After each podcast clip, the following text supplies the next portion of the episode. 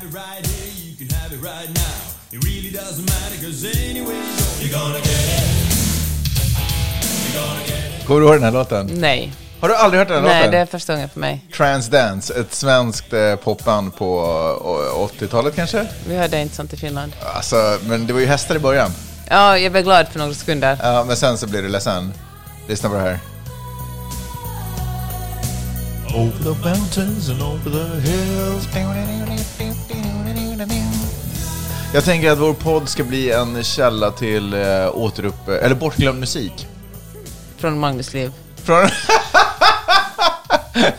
Från mitt liv, ja.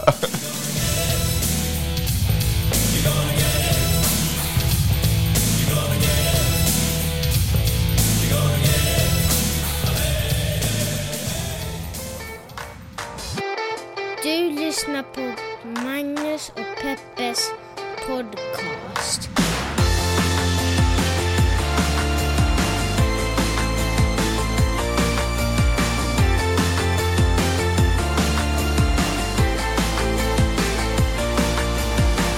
What up peeps! Hjärtligt välkomna ska ni vara känna er allihopa till podcasten som heter Magnus och Peppes podcast. En liten podcast där vi pratar om stora och små händelser i världen och så gör vi det i ett feministiskt, journalistiskt mu- eh, musik Nej, ur ett mediegranskande perspektiv. perspektiv. Och add-on till den, eh, till den lilla beskrivningen är och en källa till underbar bortglömd 80-talsmusik. Eh, är du peppad för det Peppe? Jag vet inte Magnus, du går igenom någon jättekonstig fas just nu. Förr i tiden när man satt sig i bilen fick man då lyssna på någon hederlig hiphop. Ja. Men nu blastar du på country full volym. Eller freestyle?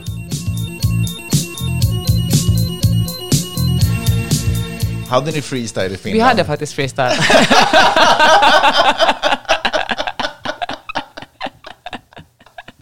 Vet det här är ju också från en tid, alltså freestyle hette ju freestyle när musikspelaren freestyle fanns. Ja, Alltså, det handlar liksom inte om folk som improviserar nej, musik. alltså, ka, nej, nej, jag menar inte det. Alltså, kommer du ihåg freestyle? Ja, men jag vet det. Det var en kassettbandspelare som man Ja. Mm. kunde bära omkring med sig. Alltså folk bara, vad är kassettbandspelare? Vad betyder bära med sig?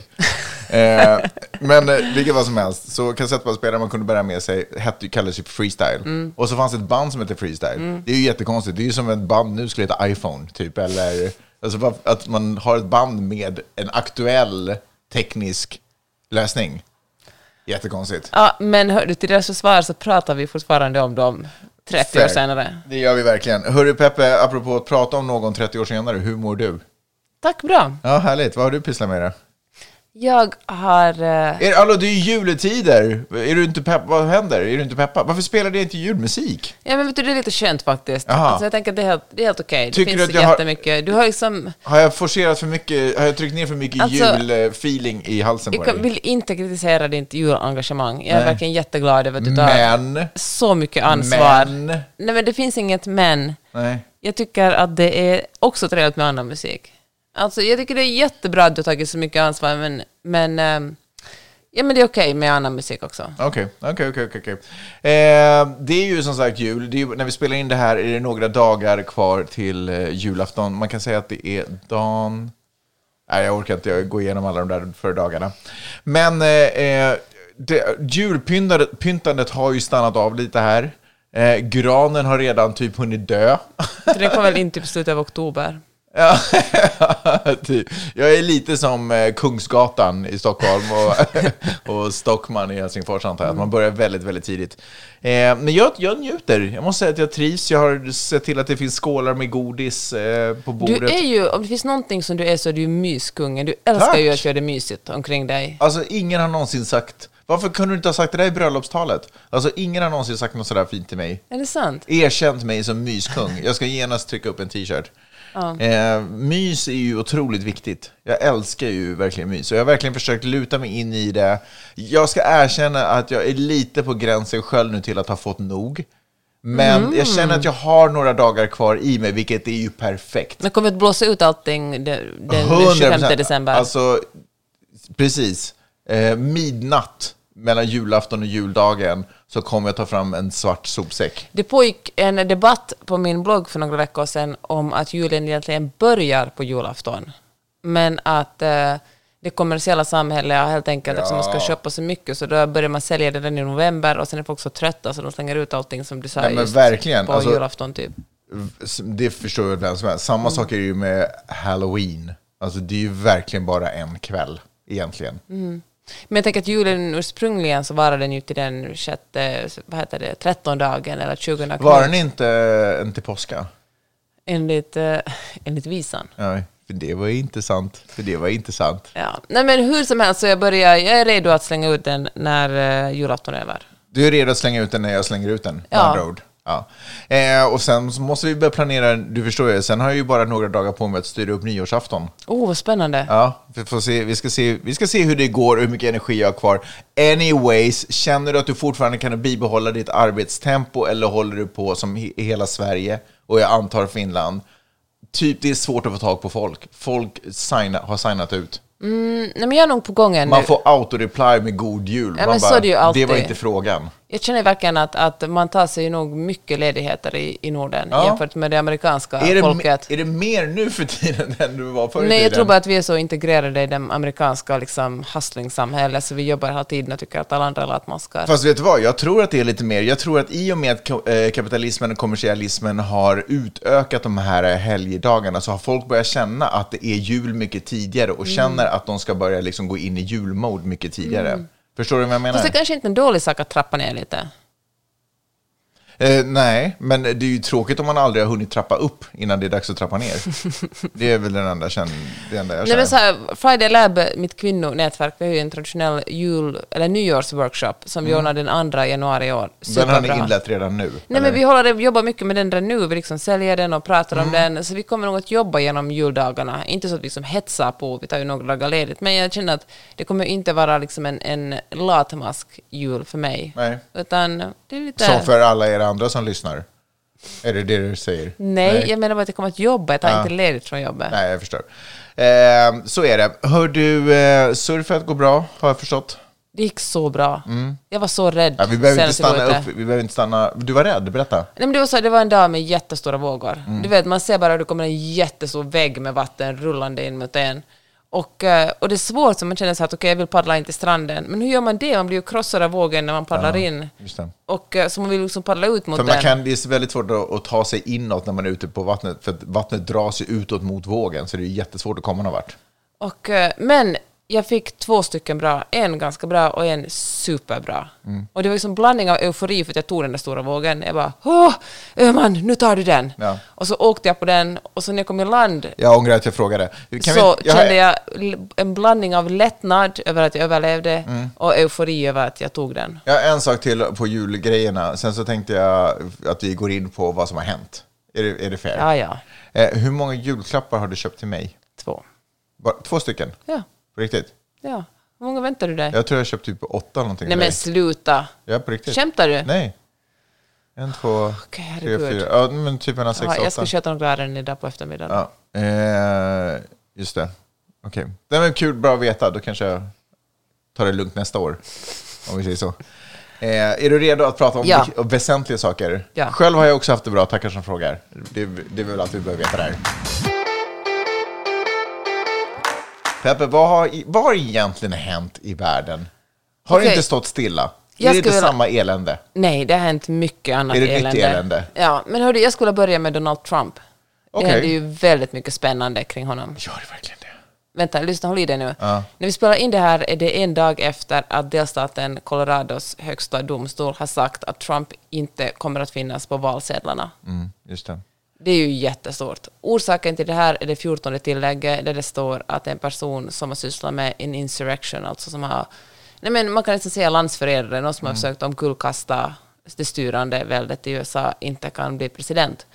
Och då röstade den här eh, domstolen i Colorado tre, fyra mot tre att eh, Trump inte kan ställa upp. Eh, några förtydliganden. När du pratar om högsta domstolen i Colorado så pratar du ju inte om the Supreme Justice Court. Liksom. Eh, Nej men det får jag noga med att säga i Colorado. Ja, nej men precis. Nej, men jag bara så att man förstår att det Ja, finns. Det är ju underligt i det här, äh, den här federationen.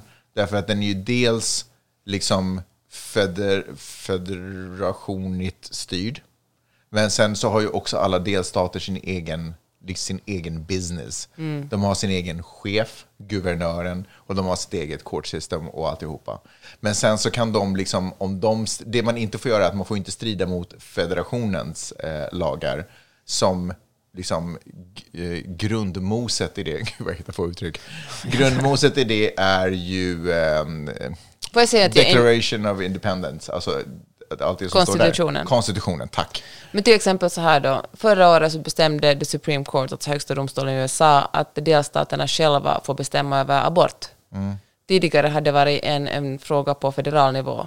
Och då bestämde genast ett 20-tal delstater att abort är förbjudet. Det är väldigt, väldigt ut. Det är jättebra. Ja. Men nu är ju då frågan, för nu har ju då den här delstaten bestämt att enligt, enligt konstitutionen, Mm. Det, för det du pratar om det 14 tillägget så är det ju tillägget i konstitutionen. Mm. För det som har hänt är att det finns massa punkter i konstitutionen, men sen eftersom tiden har gått så har man känt så här, okej, eh, språket är weird, eh, saker och ting har ändrats sen 1700, slutet av 1700-talet, vi måste göra ett tillägg. Och då har man gjort ett tillägg, eh, bland annat, som säger att man får inte vara en landsförrädare, Mm. för då får man inte bli president. Eller man får vara landsförrädare basically, men då får man, inte, man kan inte också förvänta sig att bli president. Nej, precis. Och då hakade den delstaten på det.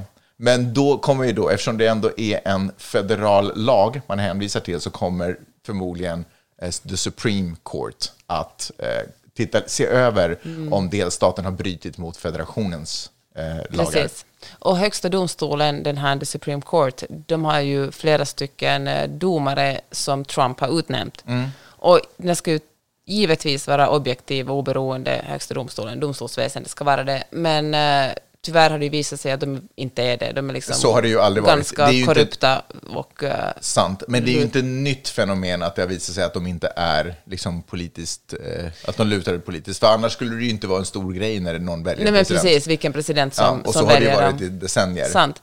Men i och för sig har just den här högsta domstolen, som är då väldigt konservativ, har liksom en majoritet av konservativa domare, de har inte varit så sugna på att plocka upp andra case. Alltså, Trump står ju åtalad för en massa olika saker. Jag tror att han har liksom 95 åtal eller något sånt, knappt 100 åtal i alla fall.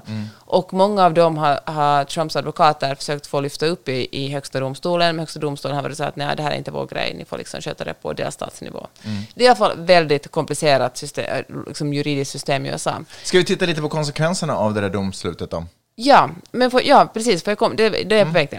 Det här kommer ju, det finns, jätte, allt, det finns så många rörliga delar här så det är omöjligt att förutspå hur det kommer att gå, förutom som du, som du sa, det kommer med största sannolikhet att landa i högsta domstolen. Ja, som kommer overturn it och så kommer Donald Trump. Ja, kanske, kanske Förmodligen. inte. Men sådär, ponera, pon, vi tar scenario nummer ett. Eh, Colorados eh, eh, domslut står fast. Trump får inte, kan, man kan inte rösta på Trump. Har Colorado så pass mycket röster att bidra med att det skulle kunna vara avgörande i ett val? Uh, nej, alltså, och Colorado kommer antagligen ändå att rösta demokratiskt, Ja. så det är inte stor skillnad. Men eh, efter, om det blir så att, eh, de, att Trump inte får ställa upp där, det kommer, det, det kommer säkert att, att sprida sig och flera andra delstater kan vara så att vänta lite, det här tycker vi också, så det kommer att tas upp i flera andra domstolar. Men eftersom det är så många rörliga delar så är det ganska svårt att säga exakt hur det kommer att gå. Men jag tycker att det finns två väldigt, eller speciellt en väldigt intressant sak här. Ett, det här kunde vara det bästa som har hänt Republikanerna. För de flesta, en majoritet av republikanerna gillar, republikanerna gillar ju inte Donald Trump. Men han är en sån mobbare och har så mycket inflytande över en väldigt våldsam del av republikanerna. Så ingen, det finns ingen enskild person som vågar ta ner honom eller kritisera honom, förutom då kanske Chris Christie och Liz uh, Cheney. Och, eh, men om det är så här att det är en, domstol som säger att tyvärr kan du inte ställa upp, då har de en, en perfekt excuse. Då kan de säga sådär, sorry, vi ville såklart att du skulle vara, vara vår presidentkandidat, men lagen är lagen, nu blir det så här, du får stiga åt sidan och vi väljer istället, vad vet jag, Nikki Haley eller Ron DeSantis. Och blir det Nikki Haley så har de en mycket större chans att vinna presidentvalet. Alltså Trump är ju extremt illa omtyckt av både republikaner och demokrater, vilket i och för sig Joe Biden också är. Men, eh, så, men i alla fall att om, om Donald Trump inte ställer upp så har republikanerna större chans att få in en president. Och det är ju, så det är kanske det bästa som har hänt dem. Det som jag tycker är lite tråkigt här är att en president, alltså jag tror det skulle vara bättre för den, demok, den amerikanska demokratin om Trump förlorade fair and square i antalet röster. Alltså om, om, om det amerikanska folket fick säga sitt. För om det är så här att det är ett domstolsbeslut som gör att han inte kan ställa upp, kommer de som gillar honom att misstro den amerikanska demokratin ännu mer och, tro, och liksom det kommer att bli ännu mer eh, anarki eller liksom ifrågasättande av, av eh, ingen kommer att tro liksom på det kommer att snacka om the deep state att allt Mm. är en konspiration för att alla är rädda för och hatar Donald Trump. Vilket kanske stämmer, men det är inte en konspiration ändå. Men eh, om det är så att man inte kan rösta på Trump men, och Republikanerna måste vaska fram en ny kandidat och den kandidaten vinner. Det kan ju vara en positiv vändning för... För då har ju Republikanerna ändå liksom så att säga vunnit. Förstår du vad jag menar? Det kan bli en positiv vibe av det. Ja, det alltså men- demokra- det- det- för demokratin, tänker ja, du? Att det Ja. kanske, då kanske vågen liksom lite passerar Ja, man kan ju hoppas det, och Republikanerna hoppas säkert också på det. För det man inte vill är att domslut ska framstå som en fördel för ett parti. Nej, precis. Det är ju inte bra att Demokraterna har styrt upp att man inte kan rösta på Trump. Nej, precis. Det, så kan det inte vara. Förresten, har Trump dömts alltså för uppvigling? Nej, inte ännu. Så då undrar jag hur de kan basera det domslutet på att men han... grejen är den att det är ju det som håller på att hända och Trumps egna advokater försöker alltid skjuta fram den här dom, den här, em, alltså när han ska gå in i, när man sitter i domstolen, Mm. för att eh, det ska avgöras om man ska dömas eller inte. Men de, Colorado har alltså lite gått händelserna i förväg. Ja. Men jag tror att det finns någon slags, eh, nu är jag inte advokat så jag kan säga, men jag tror att det finns så att också att man misstänks för att ha, alltså om man finns, han är ju inne i en juridisk process. Men eh, det ser ju inte så bra ut att tills dess kanske de, tills han, är, han, han har liksom kommit igenom den och han är dömd, alltså tills, ka- kanske det blir så att han är inte dömd för, för insurrection. Och då säger Colorado, fine, fine, fine, du får ställa upp, men det är kanske för sent för då kanske valet Mm, jag redan. förstår. Liksom. Så Men han, han racear ju också mot tiden. Men det kommer ju då förmodligen vara Supreme Courtens out, att man säger att man kan inte applicera den här lagen på honom för han är inte dömd för det. Mm. Att sen, om han hade varit dömd kanske möjligen. Alltså jag, vet, jag tycker det är så komplicerat, alltså jag tycker den juridiken är så komplicerad. Det låter väldigt enkelt om det är så, kanske det är så, men vet, vi får se. Ja, vi får verkligen se.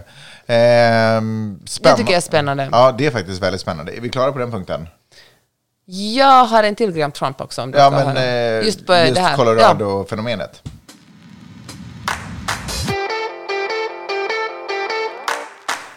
Känner du till uh, Godwins law? Nej? Nej, men du, du har säkert hört talas om det, att det är så fort om man är, har en, en diskussion eller en debatt med någon, den personen som först gör en jämförelse med Hitler eller nazisterna har automatiskt Mm. förlorat diskussionen. Okej, just det. Och eh, Trump höll ju för några veckor sedan ett tal där han liksom citerar mer eller mindre Mussolini, en annan fascist skulle man kunna säga.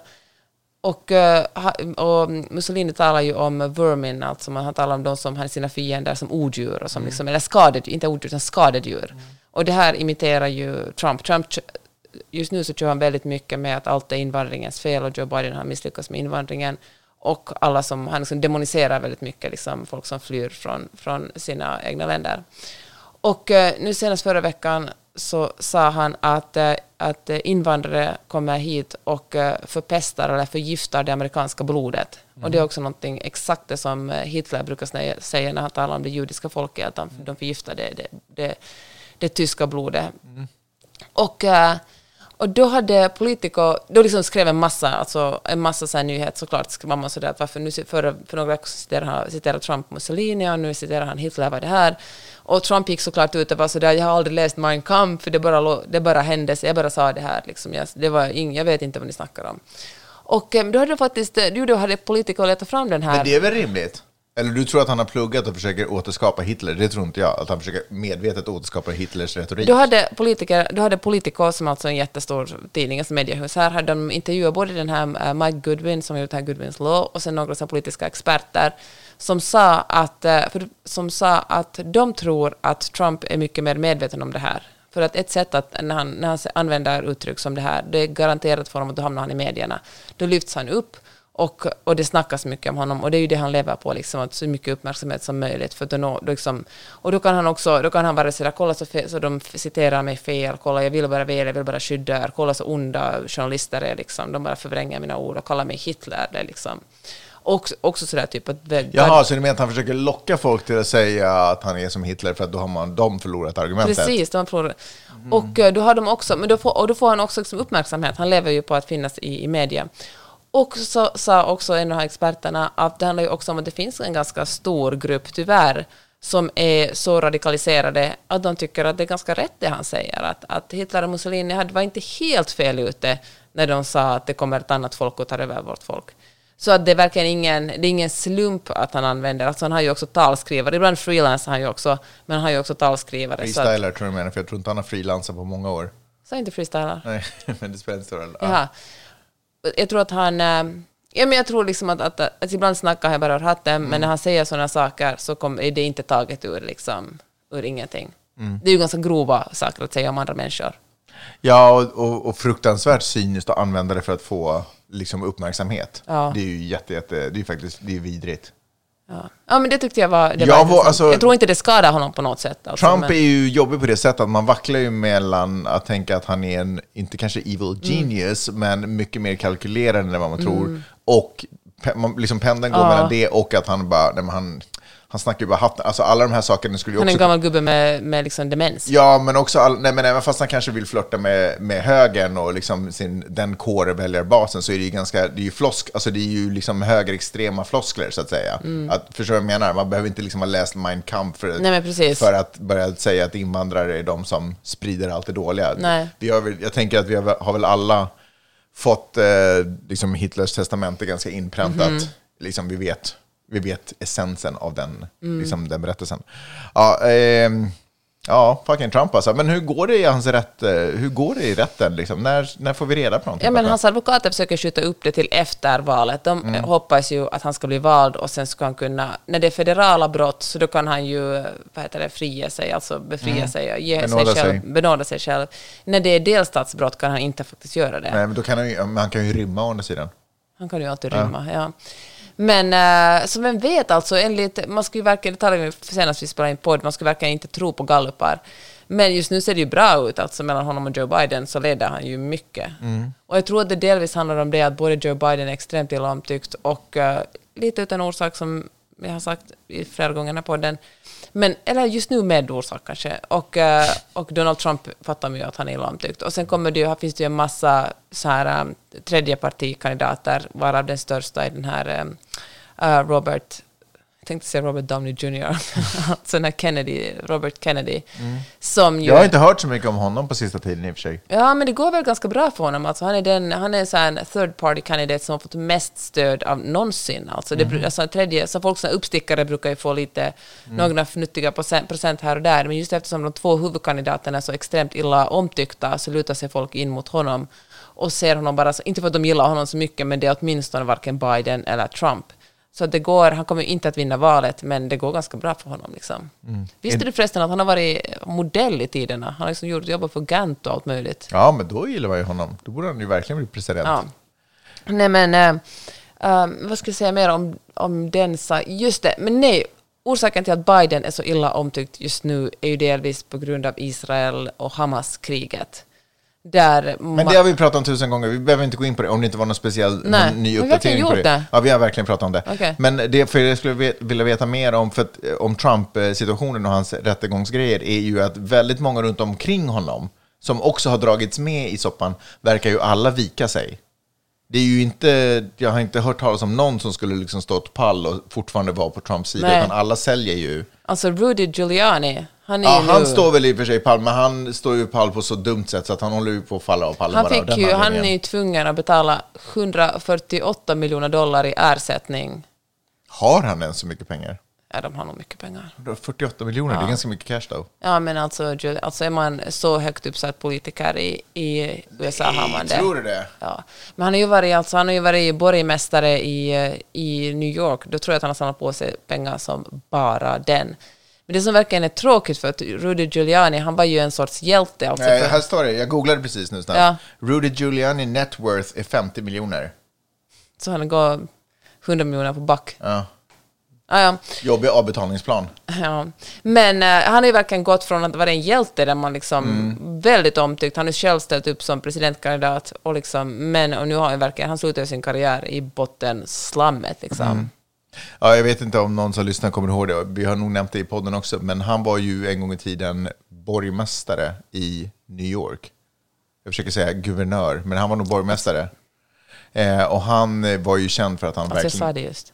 Jaha, sa du det? Exakt.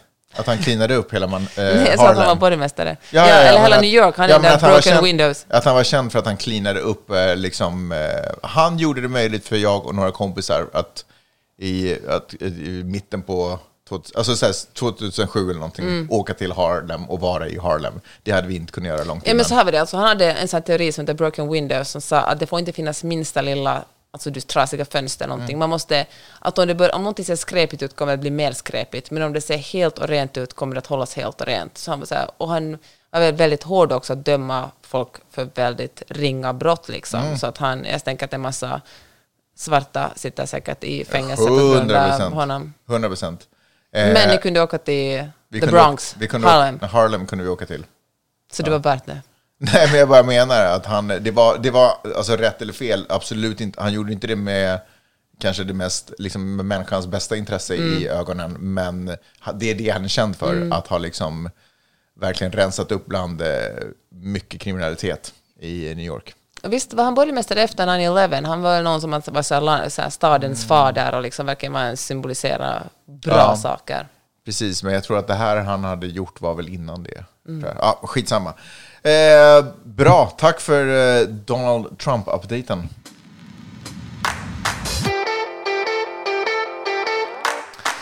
Och vet du vad som gör mig deppig, som jag tänker orimligt mycket på? Julen.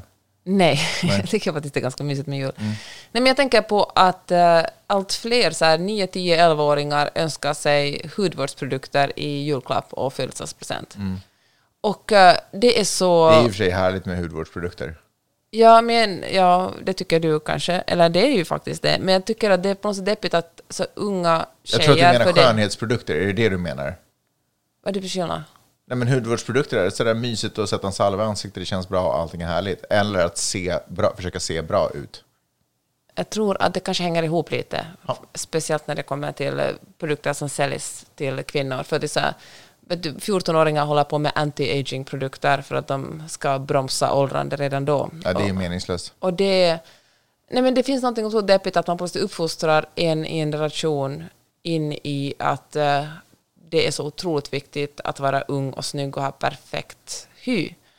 Och eh, jag tror det kommer att, liksom, jag vet, jag har liksom ingen teori, jag vet liksom hur det kommer att sluta, men jag tror det verkligen håller kvinnor tillbaka jättemycket, att lägga ner så mycket tid på sitt eget utseende och fundera på sitt eget utseende, för att inte tala om hur mycket pengar det går åt att köpa alla de här produkterna. Det är därför som eh, hudvårdsbranschen går som tåget, alltså. Det går jätte, jättebra. För hud- Det är liksom en av de branscher som verkligen pekar rakt uppåt. Och det är ju en orsak är givetvis TikTok. Alltså, det finns otroligt mycket unga kvinnor som säljer hudvårdsprodukter i form av influencers på, på, TikTok. Men jag säger inte att det är direkt deras fel, men bara en del av ett jättestort maskineri. Och jag skrev om det här i Friday Labs nyhetsbrev och då kom jag att tänka på att under, eh, under liksom en ganska lång tid, redan när jag jobbade på, en, på magasinet Papper som chefredaktör, då började det komma in, liksom 15 år sedan, och säkert långt innan det här också, det började komma en massa så här pressprodukter till män. Det kom liksom, vi fick till redaktionen som jag gav till dig sen. Liksom. Det kom, kolla här är hudvård för män, som var så här, lite så här mörkare och manliga, maskulinare förpackningar som luktade lite så här myskigt. Och, det här ska, och då, det var såklart hudvårdsbranschens eh, sätt att försöka utöka sin målgrupp till män. De har sagt att kvinnor köper jättemycket produkter. Om vi kan få män att gå samma väg, att de ska bli medvetna om att de också är åldrande människor och att det är viktigt för män att ha slät hy och vara snygg, då kommer vi att sälja ännu mer. Men det här slår liksom aldrig riktigt igenom. Liksom. Visst tycker du att det är härligt med lite hudvård, men liksom du är inte som du kollar på hudvårdsrutiner och håller på med, du använder ju inte en solkräm. Liksom. Du tycker bara att det är lite härlig känsla, du gör det inte för att Solen är en underbar eh, hudvårdsprodukt. Mm, nej men precis, exakt. Och eh, vad gör hudvårds liksom skönhetsbranschen då? Fast De jag- ja, riktar in sig på 11-åringar. De går i- yngre i åldrarna till Ja, tjejer istället. och det går superbra. Det går Men jättebra. Mycket Alltså, har nog hänt på mäns skön... Jag noterade till exempel, eh, förlåt jag ska bara sluta meningen. Mycket har nog hänt på mäns skönvårdsprodukter. Skönvårdsprodukters Um, område. Mm. Bra att jag tog mig tid att avsluta meningen. Eh, jag noterade till exempel att Elon Musk var typ skallig eh, när han höll på med Paypal. Och har, alltså, att hårtransplantationer har blivit väldigt vanligt verkar det som. Mm, Det finns så här roliga reels när man ser flyg från Turkiet där Ja. liksom 90 procent av männen har liksom bandage på huvudet. Ja.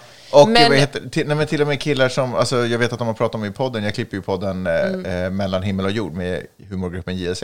Där har ju två av dem också gjort liksom, och det är ju unga- Hårtransplant. hårtransplantationer. Ja. Men vet du vad, jag tror, alltså, jag ser inte att och det är män en är helt skönhetsproduktsgrej, eller Jag tycker, ingrepp. ja, sant. Jag tycker män, ja, och jag säger, alltså jag säger inte att män absolut inte gör Nej, nej, någonting. nej, nej, men, men jag att- tänker att, att om det du inte- jämför antalet män som, jag tror absolut män också är medvetna om hur de ser ut, men det finns, jag tycker att det är som en droppe i Stilla havet jämför med pressen på hur kvinnor ska se ut och hur unga Jo, kvinnor jo, ska jo. se Det här ut. var bara tillägg, det här var inte motargument. Eh, Jag, jag förstår vad du Ja. säger, att skönhetsindustrin kanske inte riktigt fick den effekten de hade hoppats på.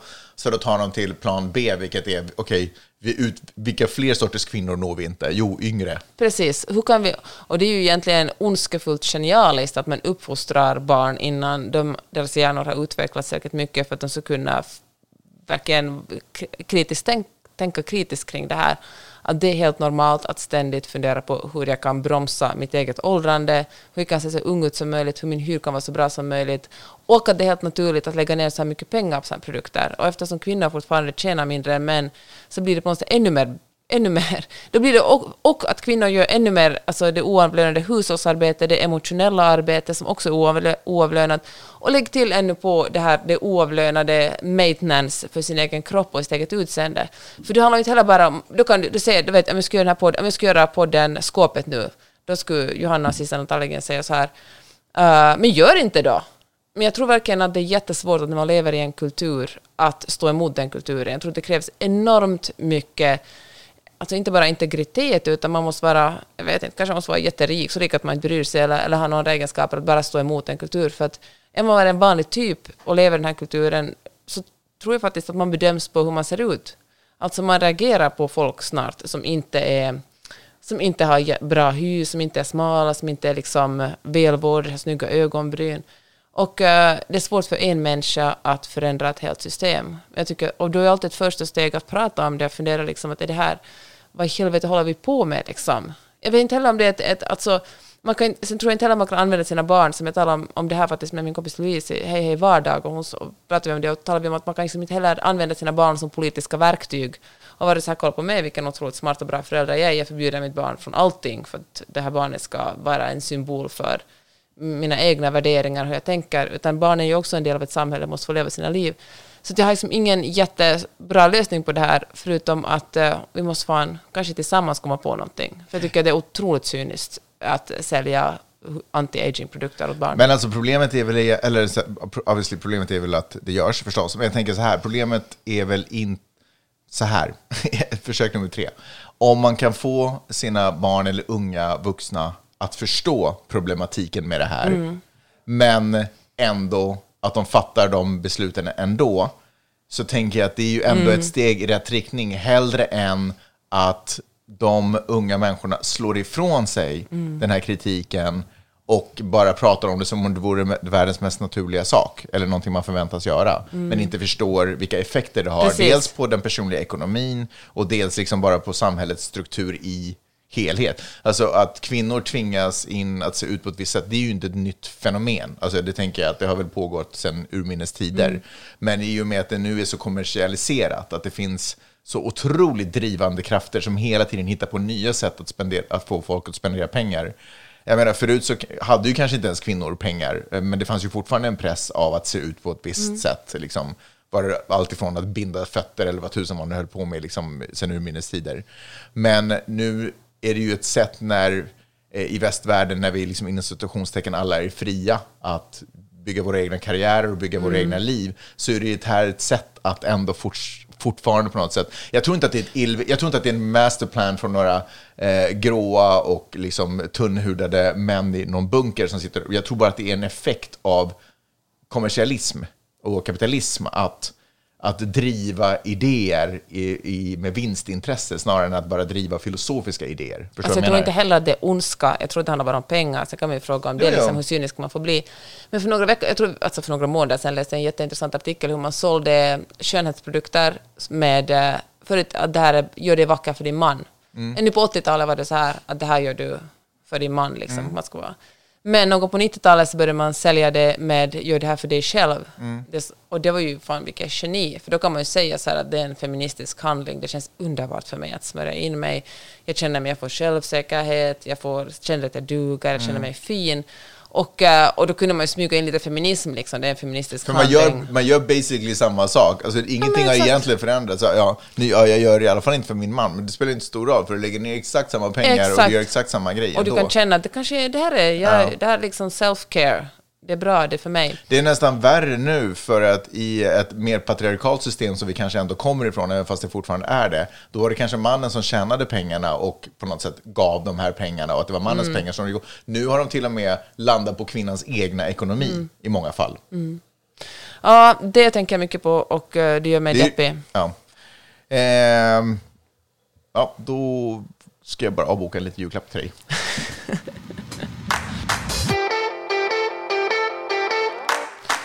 Grimes, alltså Elon Musks Är det den där homosexuella appen? Grindr. Jaha, okej. Gud, du är rolig. Uh, nej, men alltså Grimes, eh, som har två barn med Elon Musk, hon eh, är också musiker. Man vill säga att hon är kanske musiker främst. Och sen, bara- hur som helst, hon har utvecklat, eller håller på att utveckla en AI, en AI-leksak för barn. Som ska vara ett litet någon slags uh, gosedjur som kan prata med barnet och vara deras kompis. Och det är ju på ett sätt fint, tänker jag.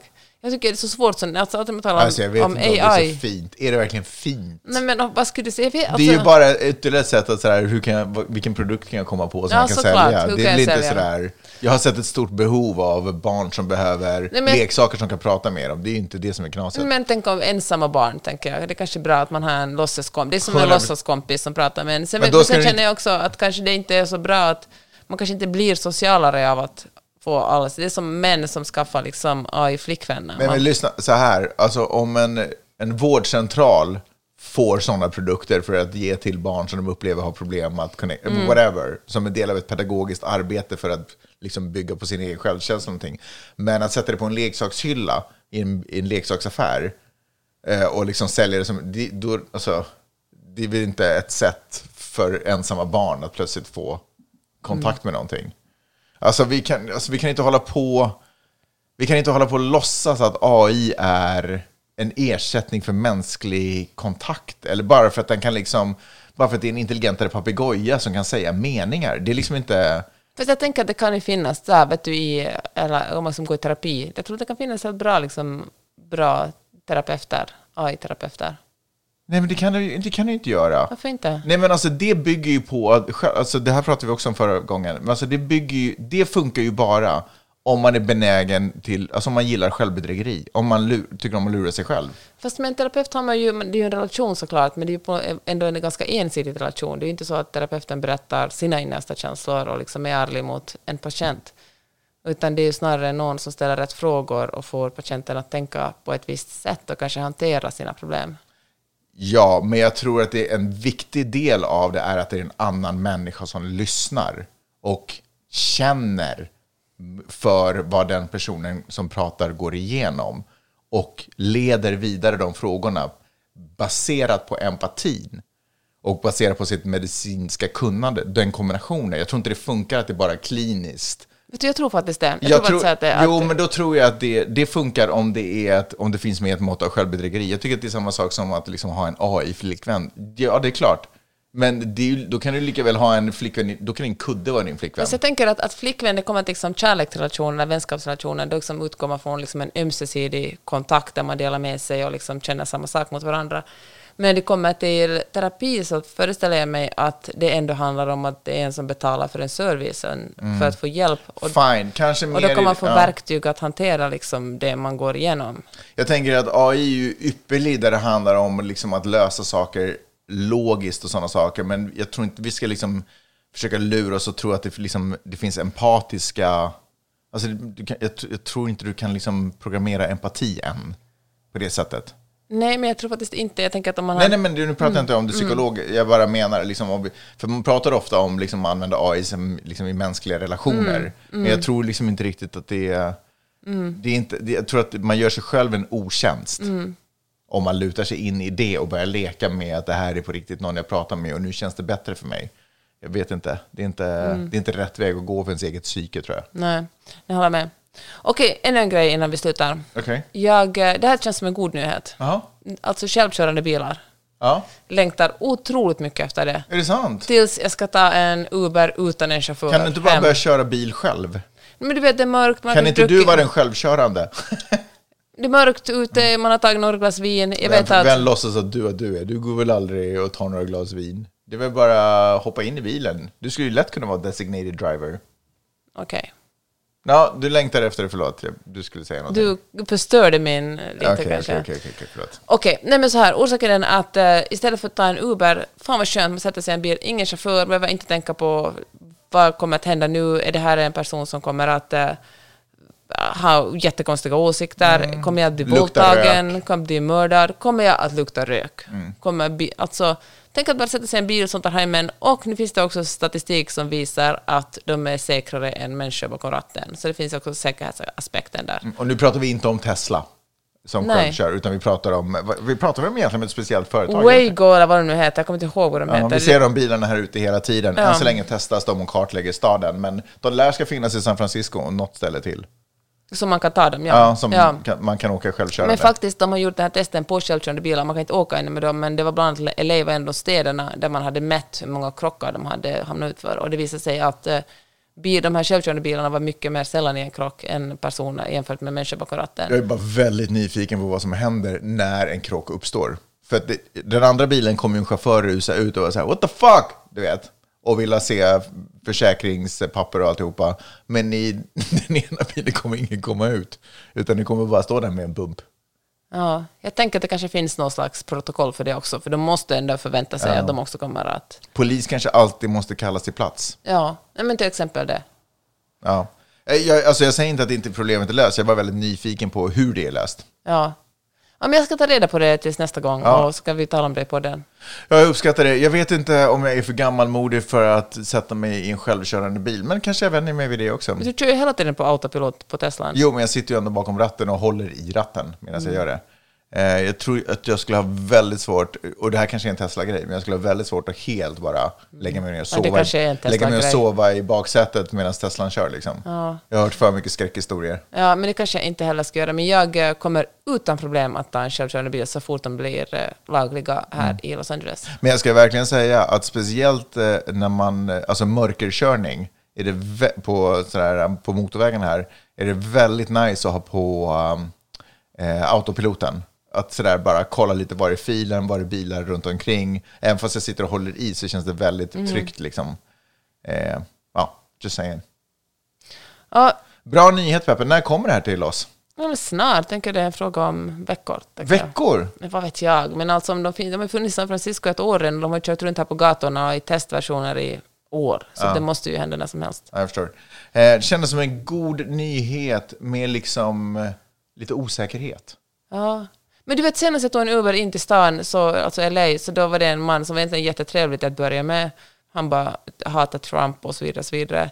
och så gick det kanske 20 minuter in i samtalet så hatade han också homosexuella. Och då jag bara... Åh, Men å andra sidan så har du ju fått kompisar i bilarna också, så Shoutout till Kalle. shoutout till Kalle. Hörni, tack för att eh, ni har lyssnat. Eh, och jag tänker att vi hörs snart igen. Och gör vi inte det innan julafton, vilket vi inte kommer göra, så god jul allihopa. God jul! God jul!